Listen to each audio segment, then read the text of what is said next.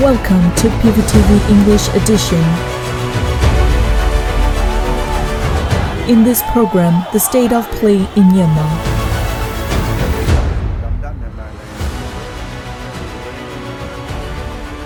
We are going to deliver current affairs review by PVTV.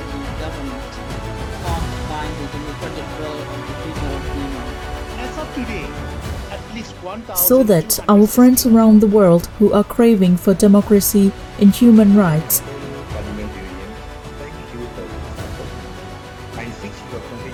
get a better understanding of the actual footage of the situations in Myanmar.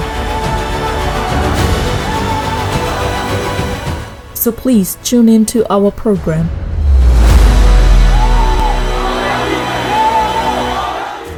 Myanmar military killing and destroying the livelihoods of the civilians with airstrikes.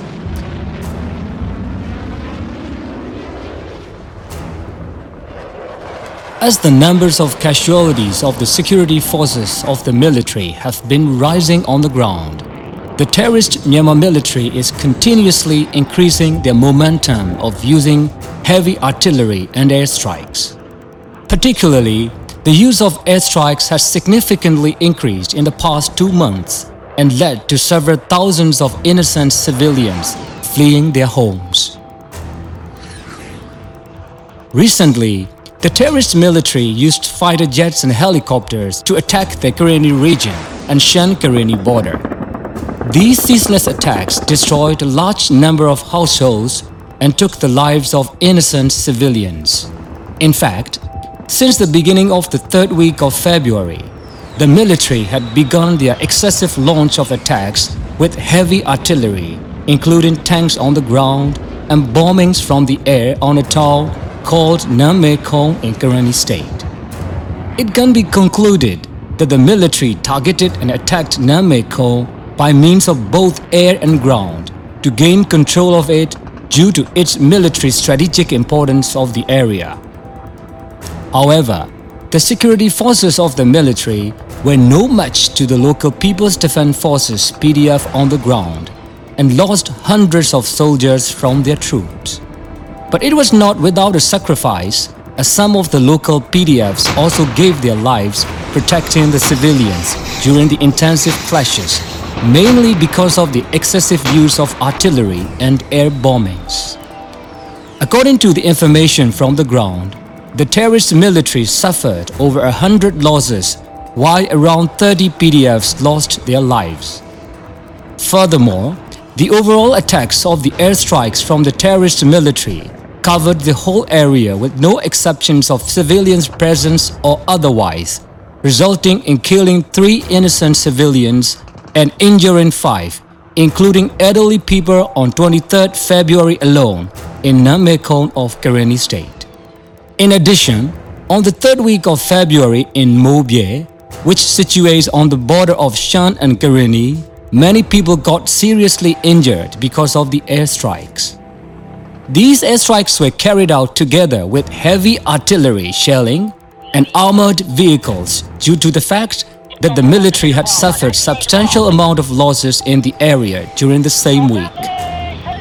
Even though Karenni was being targeted most recently, the terrorist military have been deploying fighter jets and helicopters and launching airstrikes across the country, including Kachin, Karen, Karenni, Chin, Sagaing, Magwe viciously and mercilessly since after they staged the coup. Less than a year into the failed coup, hundreds of airstrikes were carried out by the terrorist military in around 20 townships. These attacks from the air led civilians to abandon their homes and businesses which they have spent their whole lives building them. Even so, all of these were destroyed and crushed into pieces under the military's brutality. According to a recent report issued by the United Nations High Commissioner for Refugees, UNHCR, more than 450,000 people have been displaced across the country in over a year since the military coup. At this moment, displaced people are not only facing with difficulties finding shelters, food and water, but also facing the shortages of supplies to withstand the tough weather. UNHCR said that the number of displaced people in Sagaing region, where the fights are currently taking place, had risen by 10,000. However, resistance against the military remains strong in Sagaing. Local PDFs, they are stronger than ever mentally and are advantageous in military capabilities despite insufficient weapons and ammunition. That is the reason why the terrorist military continues to try so hard to suppress and occupy villages in Sagaing region by air force. As a tradition, the military chooses to use the assistance of fighter jets and helicopters to launch air attacks and shootings whenever its mission fails on the ground. Not long ago, a fighter jet attempting to bomb Sagaing region crashed on the way and caused the death of its pilot on the spot.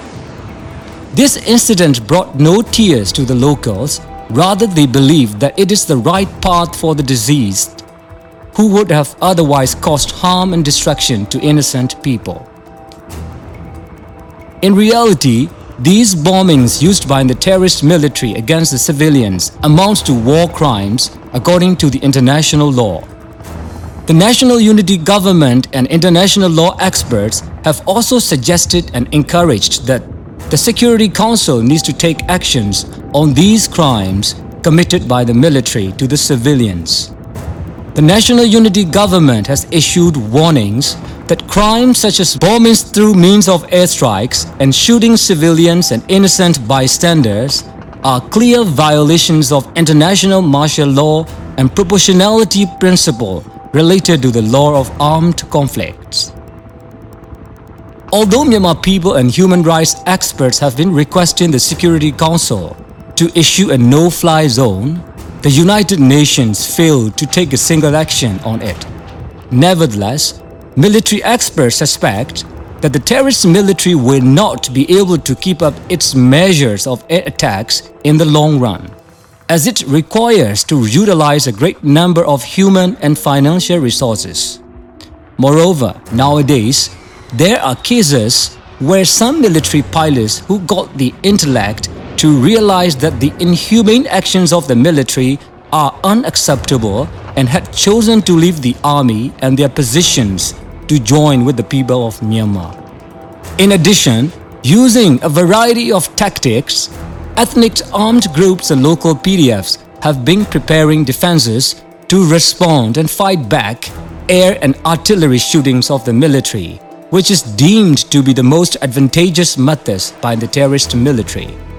Likewise, analysts also expect that the uprising will triumph in a matter of time since Myanmar people have no more tolerance on the vicious acts of the terrorist military, a group which has no regard for the lives and properties of the civilians of the country.